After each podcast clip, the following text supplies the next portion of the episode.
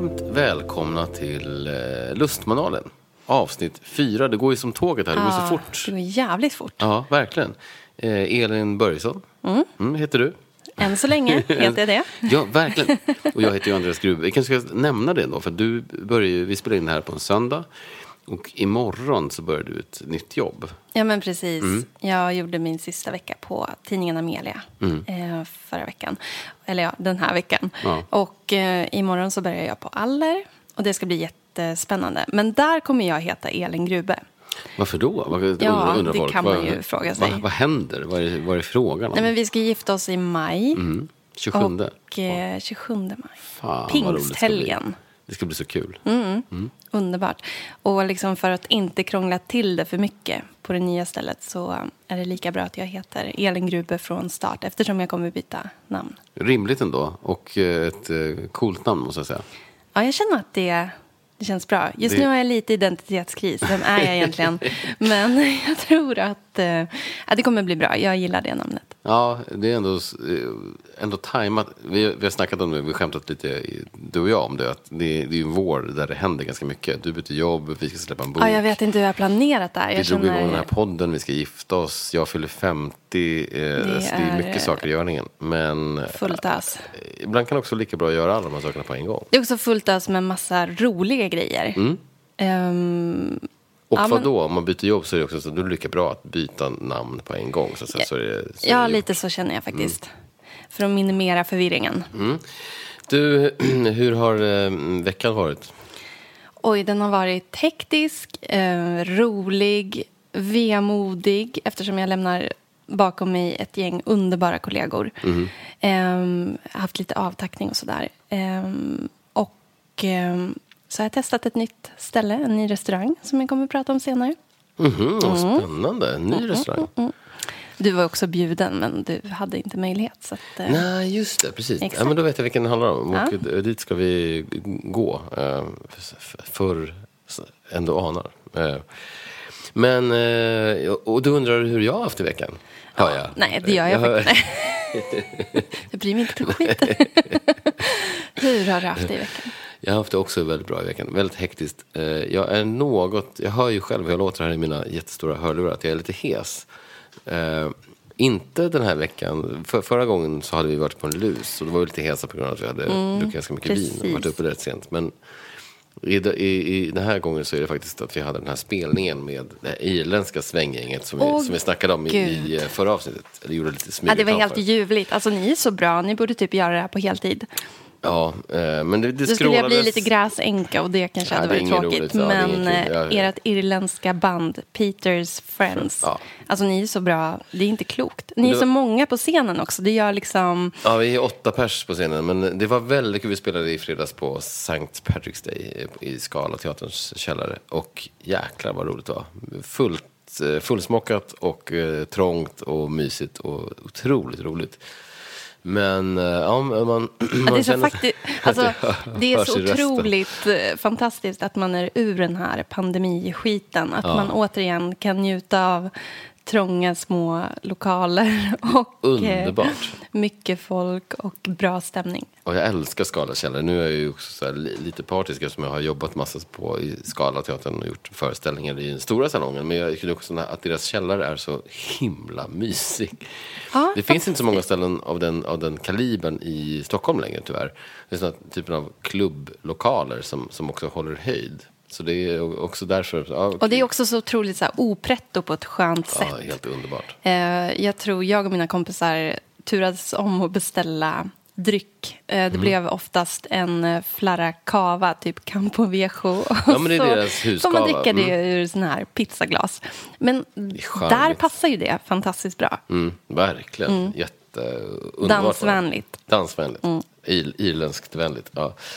Du, ehm, vi ska prata idag lite grann om eh, det, bland det bästa, mest lustfyllda jag vet. Så happy place för mig, det är ju hemmamatlagning. Det är ju liksom dagens huvudtema.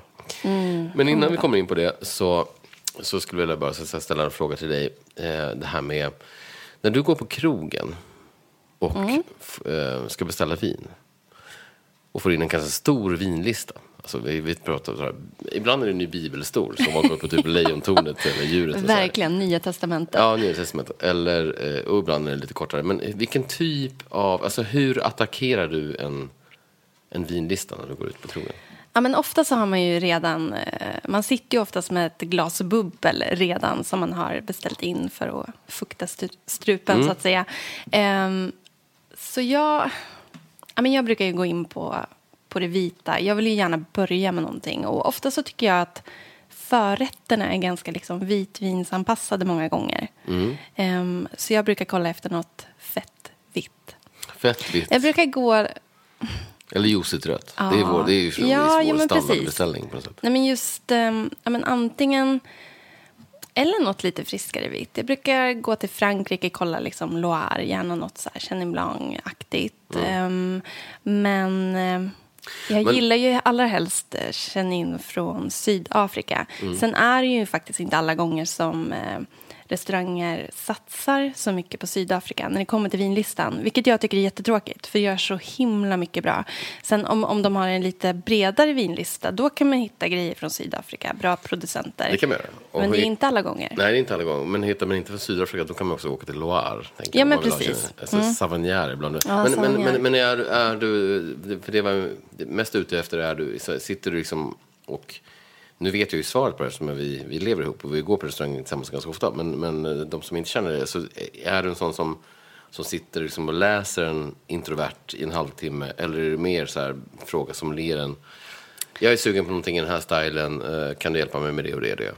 Ja, men jag kanske dyker in i den några minuter och sitter och liksom ögnar igenom. Sen är det ju alltid bra att prata med den som är sommelier för de har sån otroligt bra koll oftast. Ja. Och koll på årgångarna som man kanske inte själv har alla gånger. Verkligen. Och att de kan, sin, de kan sin källare, sin lista också. Ja. Ehm, till exempel Lejontornet när vi har varit på The Burgundy så tycker jag att vi får sån otroligt bra hjälp av personalen där. Ja, verkligen. De är superkunniga. Både och där just, och många andra eh, ställen tycker jag att man får. Ja, men när man väljer så här, ska vi ta 2015 eller 2018, vilken årgång är bäst? Eh, De har ju alltid stenkoll på det. Ja, verkligen. Hur, nu- hur skulle du säga? Alltså du kan ändå försvinna in en Ja, liten jag kan verkligen försvinna in i, i vinlistan. Jag tycker det är superroligt. Alltså, Ja. Jag kan verkligen sitta och... Men det är så spännande att se hur de... Dels, ja, Jag brukar mycket- fota dig och så brukar jag hashtagga Grube kolla vinlistan. Exakt. Det finns säkert 10-20 bilder av den där kolla minst. vinlistan. Nej, men jag älskar att kolla vinlistan. Det är så fruktansvärt roligt. Men jag är nog ändå eh, någon sorts dubbel. Alltså jag, jag, jag läser igenom den. Brukar säga, man, det är kul att scrolla igenom de här klassiska regionerna. Alltså Bourgogne, Bordeaux, Rhône och så vidare. Eh, och sen så brukar jag ta en titt på, jag är, jag är oftast ute efter något rött eftersom jag är rödvins, eh, den huvudsakliga rödvinsälskaren i, vår, Alltså, i jag tycker att vi kompletterar Ja. varandra ganska bra där. Ja. Jag går ju gärna in på, på det vita till att börja med. Och du liksom direkt på det röda. Alltid på det röda. Mm. Men, ehm, ja, men då scrollar man igenom och så kanske man hittar något som man, som man, det här är jag nyfiken på. Och så har man kanske fem, sex, man har suttit med den där. Och jag förstår att jag är lite introvert och lite osocial i de här sammanhangen. Men, men det är också så kul. Då vänder jag mig om och pratar med bordsgrannen. Du pratar med Grosor och så kan du scrolla till din telefon. Men, eh, men då kanske man har fem, sex alternativ på viner som man tycker är, så här, det här är jag nyfiken på. Och sen så tillkallar man förstås dessa un, någon av de här underbara sommeliererna som, som kan det här som man inte själv kan. Och så frågar man, ja, men de här funderar på, vad tycker du? Ja, och oftast får man då också så här, ja, okej, du är ute efter någonting i den här och den här stilen. Ja, men då kan jag också rekommendera, då kan jag nog rekommendera det här istället. Och så hamnar man någonstans där man inte ens eh, hade tänkt. Och, och det tycker jag är nästan det roligaste.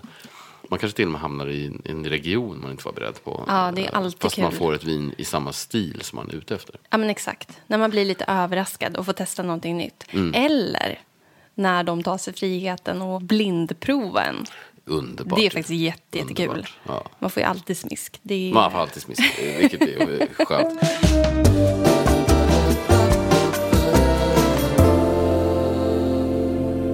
Du, eh, du har ju med dig eh, dagens inspelningsvin. Exakt. Mm, som jag redan har sippat på. Som är sjukt gott. Inte Otroligt du- gott. Det var vad länge sedan jag provade det här vinet och jag blev så här glatt överraskad. Det Mm. är verkligen godare än vad jag minns det till och med. Kanske underbart. årgången. Det är en ny årgång på det här nu. Det är eh, en producent från Tyskland, Fals, i sydvästra Tyskland som heter Philipp Kuhn. Mm. Eh, en Pinot, eller spätburgunder som man då säger i Tyskland. De skriver ut Pinot Noir på, på etiketterna. Ja, de, de har eh, kanske fattat att eh, spätburgunder är ju kanske svårt för folk att Ja, förstå. men Pinot är väl lite mer household. ja, det vet ju folk vad det är. Men det är samma, samma druva i alla fall. Ja, men precis. Mm. Och jag tycker alltså det här är ju ett perfekt typ husvin att ha hemma. Mm. Riktigt gott. Det är verkligen så här jordgubbar, mogna hallon, körsbär, lite örtigt, lite så här muskottoner. Det är svinhärligt. Jättegott. Väldigt så här juicigt. Grymt. Ja, väldigt juicigt. Så här, jag läste på ett bak, baksidan här, 13,5 procent. Det, det är verkligen så här fräscht, läckert, bra syra, bra spänst. Och det har den här energin som man älskar i vin. Ja, Och så, dessutom, det är veganvänligt och det är liksom ekologiskt och he- hela tjottaballongen. Så det Hela är, paketet. Det är grymt. och det ligger i fast sortiment. Ja, och vad sa du att det kostar? 189 spänn. Och vad är numret då? Om man vill gå... Numret är 74134. Ja. Underbart vin. Då, alltså det tycker jag, har man inte provat det här innan så testa. Underbart. Ja, verkligen. Ljuvligt vin tycker jag. Eh, Filip Kunta, tack för det. Ska vi hoppa in på dagens huvudämne nu ändå? Ja, men det tycker jag. Hemmamaten. Vi sitter ju ändå här place, nära som- köket Mm. och har en liten bolognese som puttrar på Ja, spisen. verkligen. Vad är, alltså för, för mig är det ju som sagt, som jag sa inledningsvis också, det, att laga mat är bland det bästa jag vet i hela livet. Och den här känslan av, men att, att det är liksom hela processen. Att gå och handla maten, så gå och dofta på örter i, i, i en butik. Alltså jag är så glad över att du är en man som älskar att laga mat. Jag är ändå uppväxt med en så här 40-talistfarsa. Ja, han kan fan inte koka ett ägg. Nej, min pappa kunde inte heller. Han, han lever inte längre, men han, han kunde köpa pizza och så kunde han göra en, en eh, hemmavariant av, eh, någon så här svennebanan-variant av chili con carne, det vill säga vita bönor och köttfärs i någon sorts rör. Där tog det stopp. Mm. Gott. Ja, men där tog det stopp. Det var gott, det var helt okej, men där tog det stopp. Det fanns liksom inget mer. Nej, nej, men det är alltså så här, det är hemskt att säga, men när min mamma ska till exempel åka till Stockholm och hälsa på mig och bo här några dagar, då, då lagar ju hon upp mat så att eh, pappa och min brorsa inte ska svälta ihjäl. Det blir skandal faktiskt. Jag vet, det är, Det är hemskt. total skandal. Det är hemskt. Men eh, lyckligtvis är inte vare sig du eller jag eh, 40-talistmän. Men vad, vad, är det som är så härligt med, med att laga mat hemma? För, för mig är det verkligen det är happy place. Alltså grejen är det, så länge man inte är stressad, för då är det liksom så här, köra ner fiskpinnar i brödrosten och vispa ihop något jävla pulvermos. Så länge man inte är stressad så är det ju underbart. Mm. Det blir som en så här, slags terapi. Men det handlar ju om också att man får se till att man inte är stressad. Det handlar om att man tar sig tid, man, att man viker tid. åt att göra. Planering, Planering. är ju A och O, säga. Verkligen. Men det blir ju oftast på helgerna man har den här tiden och orken. I alla fall att- göra den här typen av långkok. Men jag kan ju, jag kan ju faktiskt gå igång på att göra eh, alltså vardagsmat också. Man, kan göra, något man, man anstränger sig lite extra, gör någon sån här god kyckling. Eller man gör något, jag tycker det är så himla, himla härligt. Men, eh, ja, men, ja, men den här podden heter ju Lustmanualen. Och just det här att laga mat är på något sätt eh, den ultimata lusten. Men det finns vissa också, mm, det finns vissa grejer som, som gör det extra kul, tänker jag.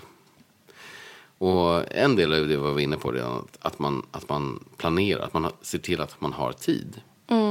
Eh, och i det ligger ju också såklart att eh, jag brukar alltid, ja, men eh, det här som, som man på kockspråk kallar för mise en place, det vill säga att man gör, man ser till att man så här, hackar och skär det man ska ha, man har det i små skålar. Ja, du är väldigt duktig på det. Det har jag tänkt på eh, från start. Jag är ju mer liksom... Eh, jag gör allting eftersom, vilket eh, också kan bli lite stressigt.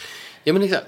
Men, men den här mise en placen, det är, ju- det är ju dels för att undvika stressen och dels för att också att för att man inte vill att någon, alltså man vill ju att alla, men herregud idag lagar vi en, en, en, en bolognese och, det, och det, den kan ju bara stå hur länge den vill så att säga. Men ibland så, har, så gör, lagar man mat där det är lite mer beroende av, men ska man steka en köttbit till exempel så den, det är ganska tidsanpassat. Man måste liksom hålla kollen sådär. Mm. Och om det då blir så att man slänger i en köttbit i en stekpanna och så ska man stå och skära någonting samtidigt. Då blir det lätt att man tappar. För det handlar ju om så här, men tio sekunder hit eller dit. Om man, om man steker kött kan ju, kan ju avgöra allt på något sätt.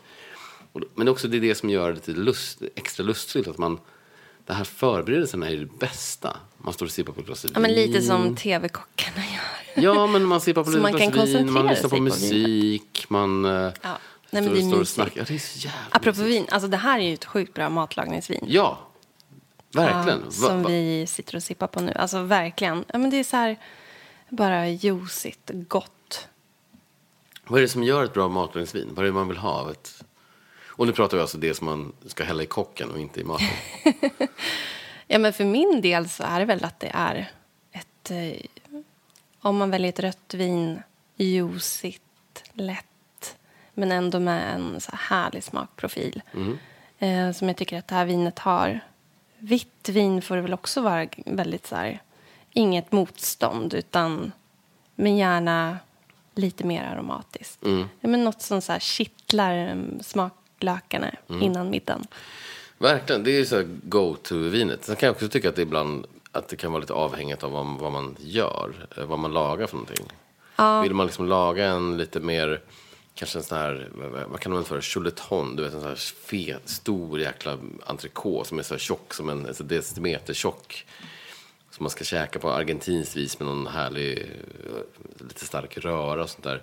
Då kan det också vara gott att hälla en Malbec, argentinsk Malbec i glaset medan man lagar. För att man kommer, liksom, kommer in i, kommer i känslan ja. på något sätt.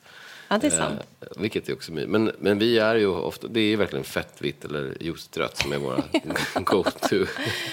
Ja, men precis. Och sen så, herregud, jag kan verkligen uppskatta något eh, kralligare. Det beror ju helt på vad man har på tallriken. Ja, verkligen. verkligen. Måste, nu, nu kan jag verkligen varken namn eller nummer, men ett av de bästa matlagningsvinerna eh, i hela världen är ju faktiskt också ett vin som heter Cuisine de Mamère.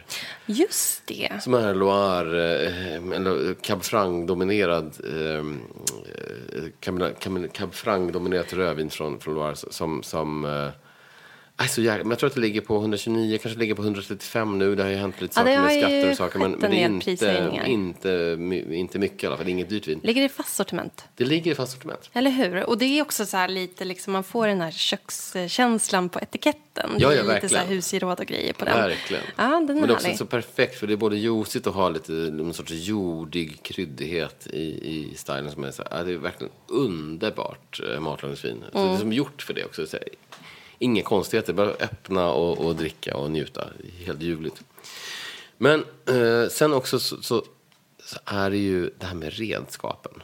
Alltså det blir ju alltid roligare att laga mat när man har bra redskap.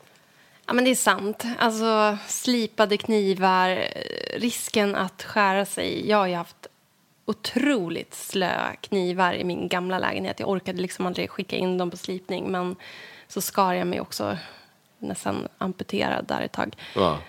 Men det, det är klart, det spelar roll. Man kan amputera sig ännu eh, hårdare när man har nyslipade knivar, vilket jag har gjort, eh, märkt av nu. Men, men även du hade ju med dig någon jättefin japansk kniv till vårt gemensamma hushåll. Jag har haft lite, så här, har lite knivar också och fått lite nya. Men, men, men det måste jag säga, slipade knivar är ju drömmigt alltså. Mm. Och globalknivarna, wow, ja. vilken grej. Och jag skickade ju ett gäng av våra knivar på den här knivbrev.se. Mm. Jag, jag har bara sett massa reklam för det, och, men aldrig... Och så har jag haft någon sån här liten tramsig så, paj, en sån här knivslip som man har köpt på Ikea för 20 spänn. Och man ska, men så man känner, ah, fan, jag måste, måste bara få bra... Vi har ju så mycket fina knivar. Man får, få bra slipningar. Och fick tillbaka dem. Det tog typ fyra dagar från att jag skickade dem tills jag fick tillbaka dem.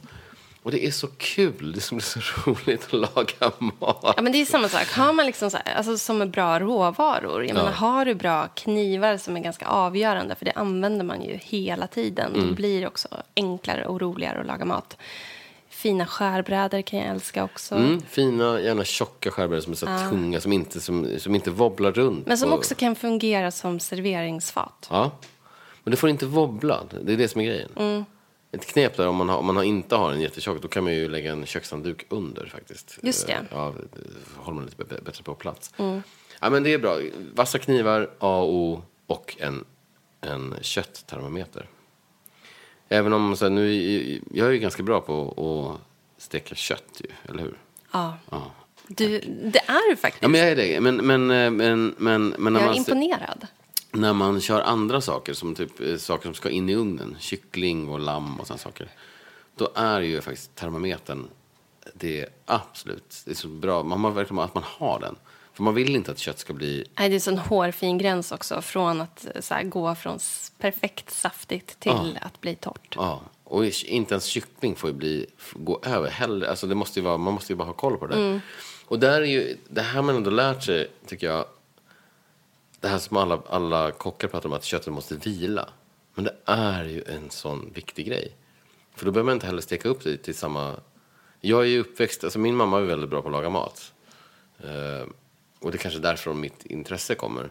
Men man har ju också ätit en och annan, just vad det gäller kött, en och annan skosula i sina dagar. Och det är inte så roligt. Alltså mina föräldrar, på riktigt. Ja, men jag menar, de kommer ju liksom uppifrån södra Norrland. Eh, nej men, ah, ja, de, de vill ju ha skos, skosula. De, vill ju, de blir förskräckta om det är liksom minsta rosa in i köttet. Jag har ju varit på restaurang med dem och de har ju typ skämt ut mig. De har ju liksom skickat in Ja, jag har ju lagat mat till dem. och Kan ni steka har- på det här lite?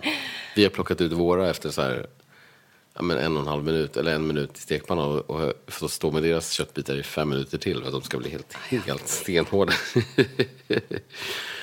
Som när min mamma, vi var på restaurang Mm. och så beställde hon en tartar med pommes frites. Ehm, och hon visste nog inte riktigt vad det var. Nej, jag förstår. Eh, jag beställde köttbullar. Eh, det var ändå en, så här, ja, men, en bra kvarterskrog. Mm.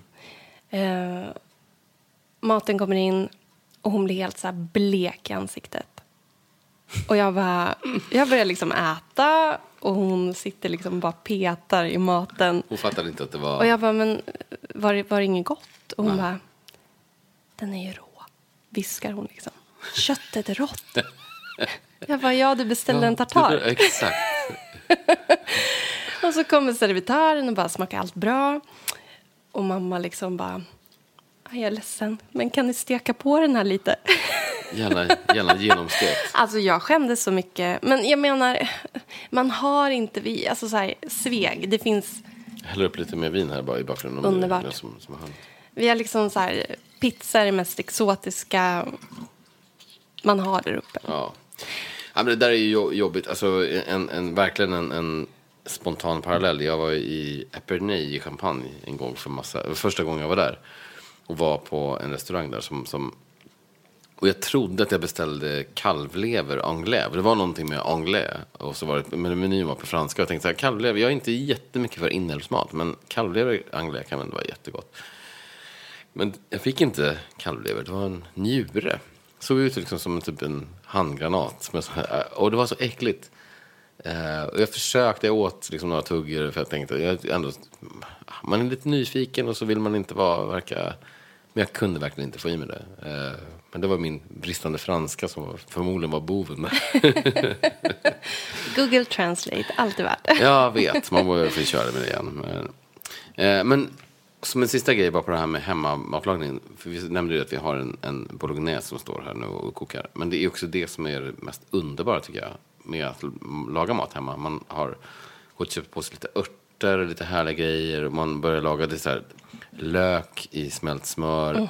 Alltså det, de här dofterna. Som man, som, som, det, det är ju Det skapar som en, en sorts trygghet. verkligen trygghet. Och jag tror också, alltså nu, jag gjorde en intervju med en person som är med i ett ehm, i en matlagningstävling på tv så jag kan verkligen inte avslöja några detaljer om vem det här är.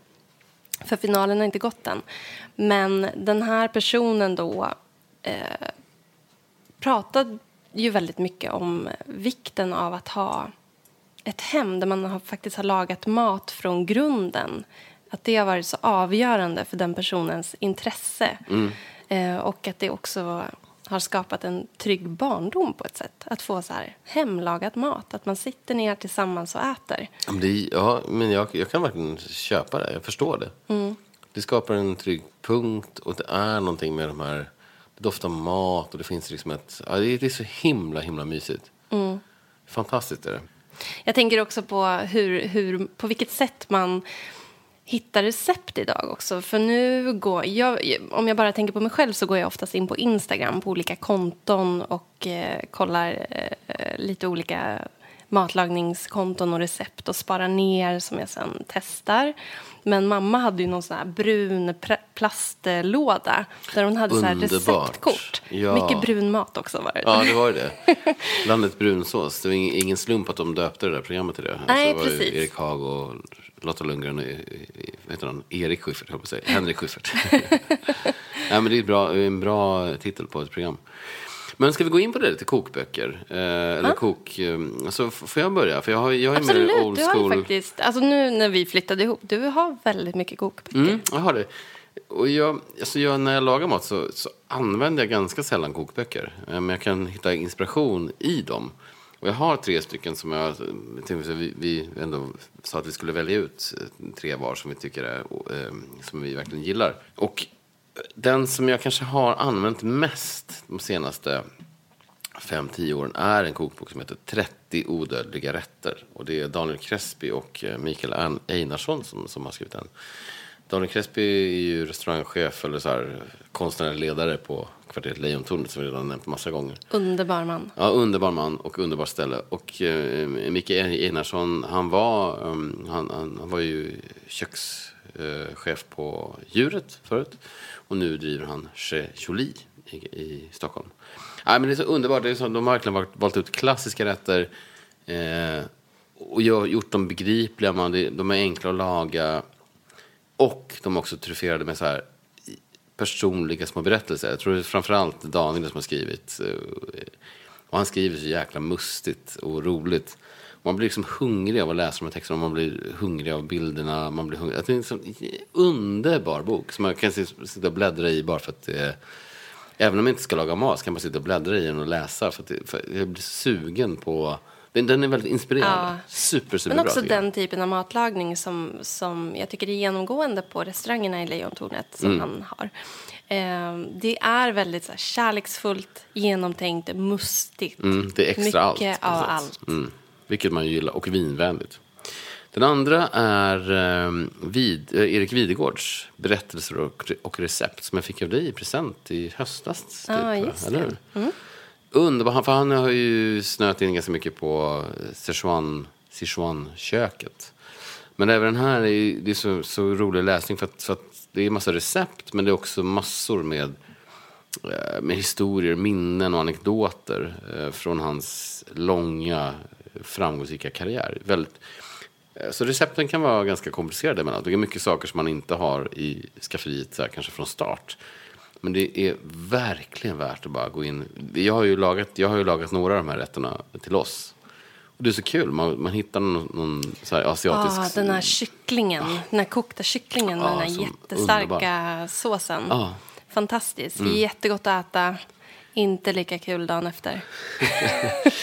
Ja, du är lite känslig i magen. Moja, Men, Mhm. ja, men jag tycker den är, den är underbar och han är så skicklig. Och, han, eh, det, och man får liksom få lite historisk bakgrund. Man får så mycket på köpet i den här. Den är tjock som tusan. eh, Men det är också en sån här bok som jag ofta kommer på mig själv med att sitta och bläddra i. Även när jag inte ska laga mat. För att just man bara man blir, jag tycker det är också så kul. Jag älskar ju att läsa om, om, om eh, restaurangbranschen och läsa om de här kockarna och typ gamla historien. Så det är fantastiskt. Sen har jag faktiskt en liten otippad kanske, en, en, eh, en bok som jag som var viktig när jag började intressera mig för att laga mat på riktigt. Och det är, den heter Lyxlagat. Och det är en kille som heter Fredrik Sell som har skrivit den.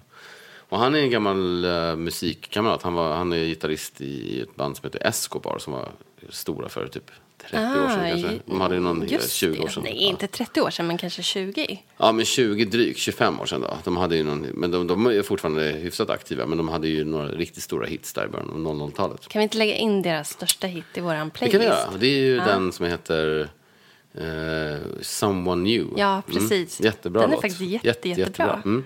Kan lägga in några fler av dem också tycker jag. Men han är, det är som en jättetrevlig snubbe.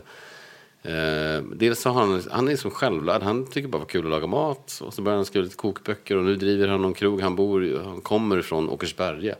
Och tror bor där. I alla fall, han han driver i alla fall en krog där som heter Cells Smokehouse. Eller någonting. Eh, men den boken har varit jätte, så här, härlig för mig att läsa. Också att han har, han har adderat lite låttips. Så här, när du lagar den här maten, lyssna på den här plattan och så vidare. Så Gud, vad kul. Ja, den är skit Men ser skithärlig. han lite så här rockig ut? Har han lite så här mörkt hår, lite längre, lite sned? Ja, exakt. exakt. Ja men gud, då vet jag vem det är. Ja, han, det är ser, han ser lite ut som ett så här popsnöre som har hamnat fel. Typ så här bakom grillen. Typ. Ja, men verkligen. Exakt. Det är, det, är- det är Fredrik. Ja. Ja, vad härligt. Jag har jobbat med honom. och Gjort, han är också duktig fotograf. Han har gjort liksom videos till, eh, till något gammalt band som jag hade. Och så där. Och, vi- ja, men en jättebra person. Och, och, men, men den boken också var, har varit um, rolig. Att, och den har jag fortfarande kär i, i så här matlagningshjärtat.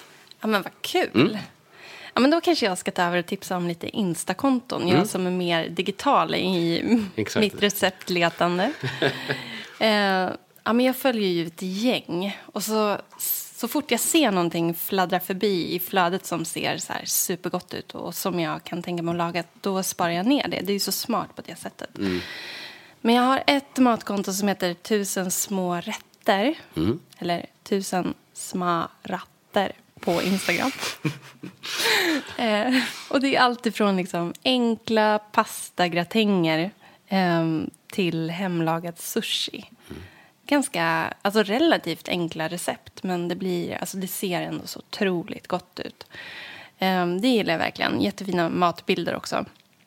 Sen har jag ett konto som heter mat Stockholm. Och det är både tips på restauranger, allt ifrån frukosthak till, eh, till eh, bra lunchrestauranger, till middagsrestauranger. Vad kul. Eh, men också recept inom det spannet att Jätteroligt. laga hemma. Mm. Sen har jag ett tredje som heter Gottigheter. Bra namn på... Verkligen Man vet vad det handlar om. Absolut, och det är också så här skitgoda rätter. Men främst så tycker jag att hon, hon som driver det här kontot skriver så roliga captions till recepten. Ehm, ja, hon, är, hon är bra rent så här, språkligt. Vad kul. Ja, jättekul. Ett fjärde har jag också. Ja. Eh, det är en kille som heter Sedir på Instagram. Och eh, han lägger också upp väldigt så här, goda recept, men han gör det så pedagogiskt. Så i stories så sparar han liksom små filmer eller så steg för steg eh, Ah. Ja, kul. Så man behöver verkligen inte ha några förkunskaper. Det är bara att följa allting steg för steg.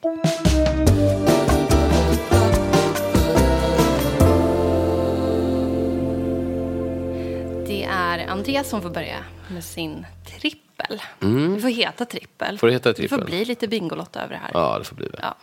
Eh, Har ni något bättre tips på vad den här trippen ska heta kan ni mejla oss på lustmanualen.gmail.com eller DM oss på lustmanualen. Ja, men veckans, veckans bästa då, Mm. eller vad man ska kalla det för. Mm, veckans guldkant. Eh, jag eh, kom att tänka på Det här är ett gammalt tips, eller, en, en, en, men, men, men har man inte sett eller läst det här så måste man göra det. Och det är historien om Theranos och Elizabeth Holmes. Du vet vad jag pratar om? Ja. En kvinna ehm, i typ 30-årsåldern som startade ett bolag som heter Theranos. Eh, och hon, det här finns då som, som, det finns som, som bok. Den heter Bad Blood på engelska, Ont blod på svenska. Och det är en journalist som heter John Carrier, Carriero. Carriero. Ja, men det, han, det stavas jättekonstigt. Carriero. Eh, men det finns också som dokumentär på Netflix. Och det är en så fascinerande historia, för hennes idé är ju dunderbra. Eh, hon ska skapa ett företag där man med hjälp av en droppe blod kan eh, då analysera massor av olika parametrar.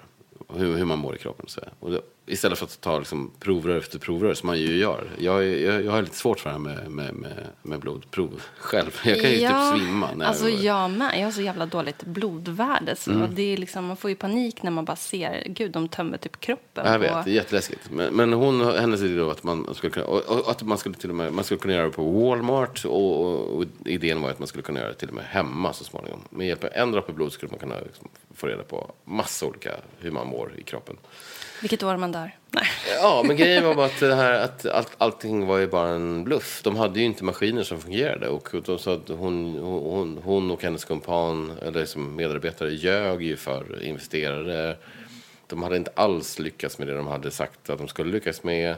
Men det blev också en super... Så det här företaget var ju värt miljarders miljarders dollar.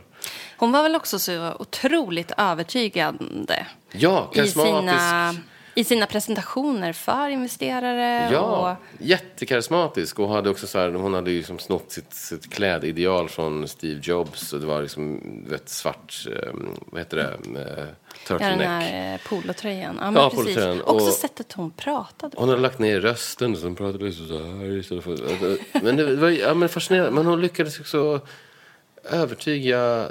Bolaget var väldigt högt värderat men det innehöll ju ingenting.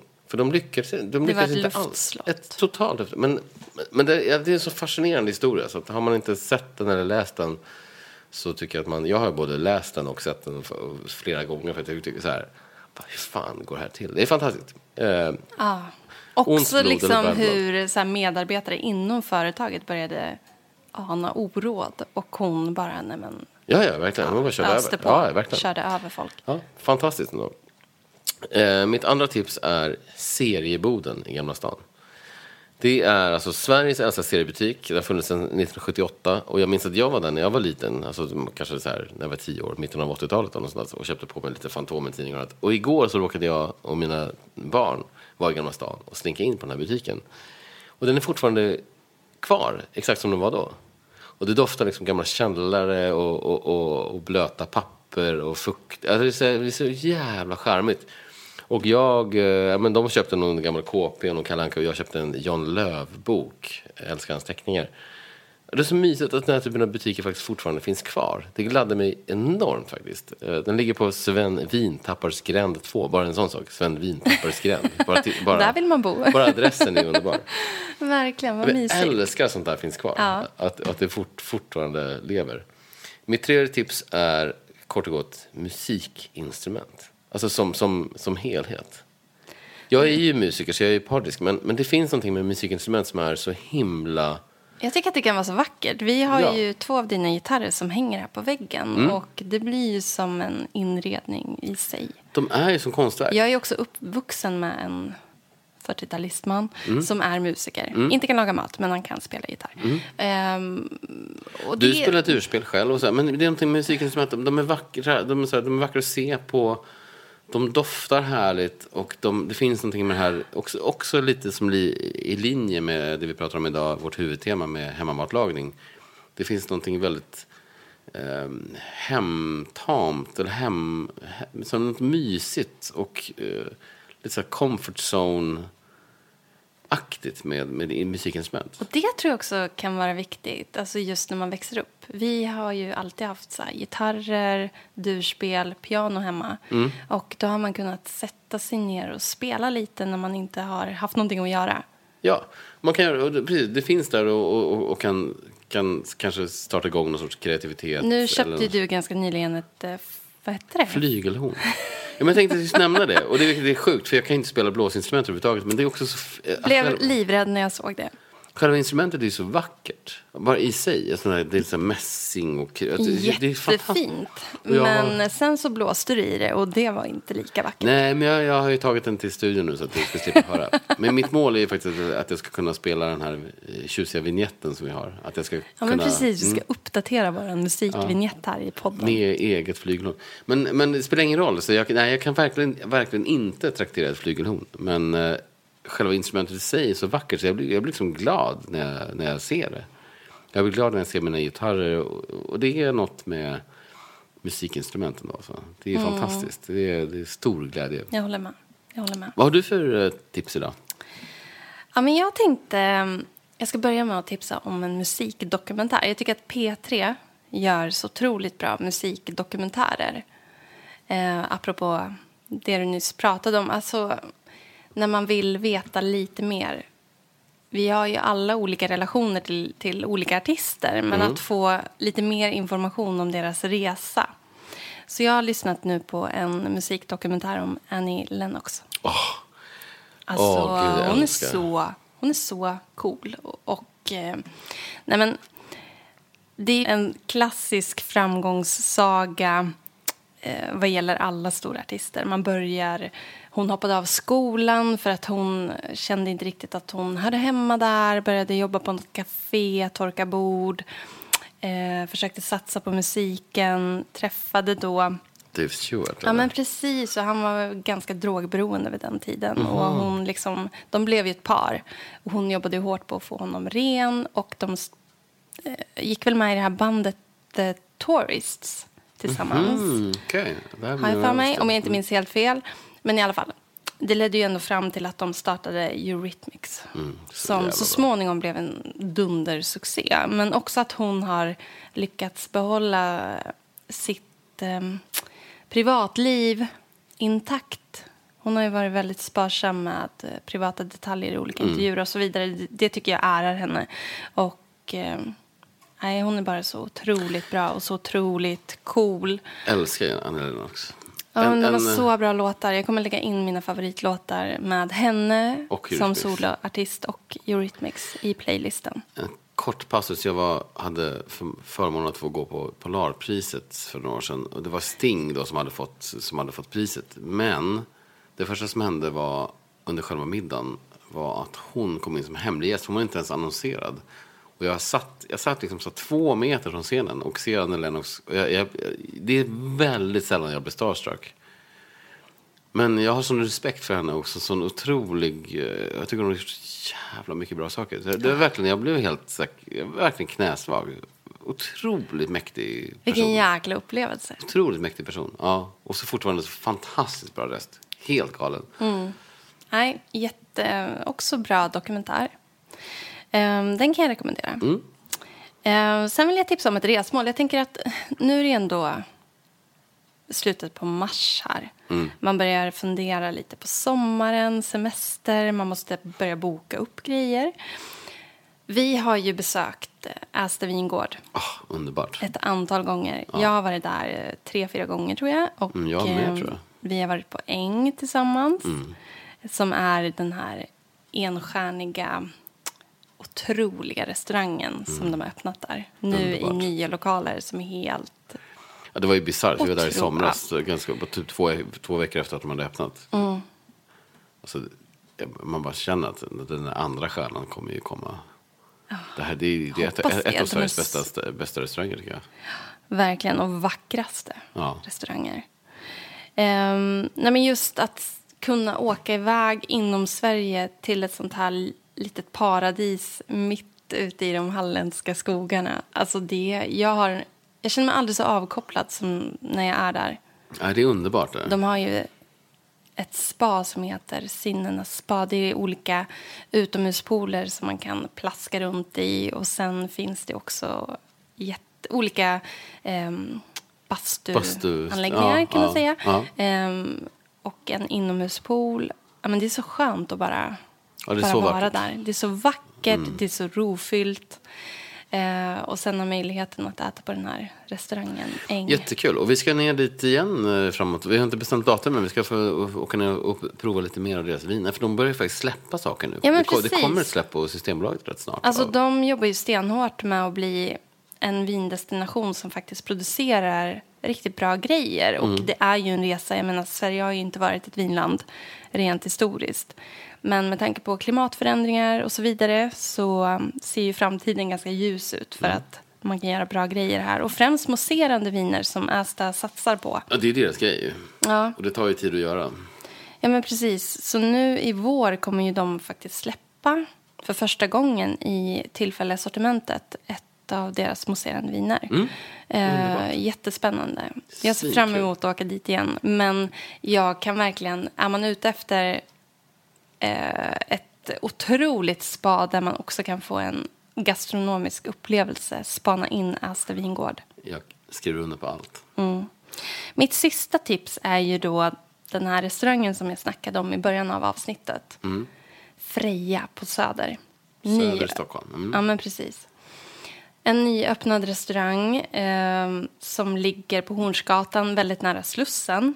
Man tar hissen upp till högsta, alltså takvåningen som de har byggt liksom helt nytt. Otrolig, en av Stockholms bästa utsikter. Och inredningen är bara så här, gud, man tänker hur mycket har det här kostat? Mm. Förmodligen mycket. Jättestor bardel. Det är Stureplansgruppen som ligger bakom. eh, Som, som Ja, men precis. Ja, Och det är väldigt bra folk också som har, jag menar Ellen Fransén. Som är chefssommelier Ja men precis. Ja, alltså, så man, får, alltså, man kan ju räkna med bra, bra grejer på vinlistan.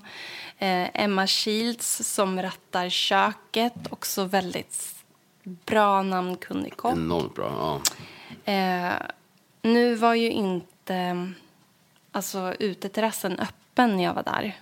Men ja, alltså, det kommer ju bli Stockholms bästa, bästa häng i sommar. 400 platser. Ja, 400 pers kan man ta på otroligt. två barer och en, u- alltså på, bara på uterestaurangen. Så de har två barer inne också med 110 sittplatser i matsalen. Ja. Det, är, det är stort inåt. Äh, det, Eh, Det är underbart. Där ska vi sitta och hänga. sippa lite i Jajamän. sommar, tänker jag. Ja, verkligen.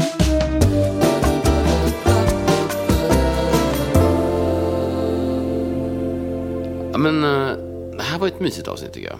Ja, men det tycker jag också. Mm. Härligt att prata om och nu eh, känner jag doften av den här bolognesen som jag ska gå och röra lite i. Ja, det kurrar mm, det kurrar. i magen. Eh, tack för att ni lyssnar och eh, fortsätt. Det är så roligt att man får att ni hör av er med lite små tips och grejer. Det egna. är supermysigt. Fortsätt göra det.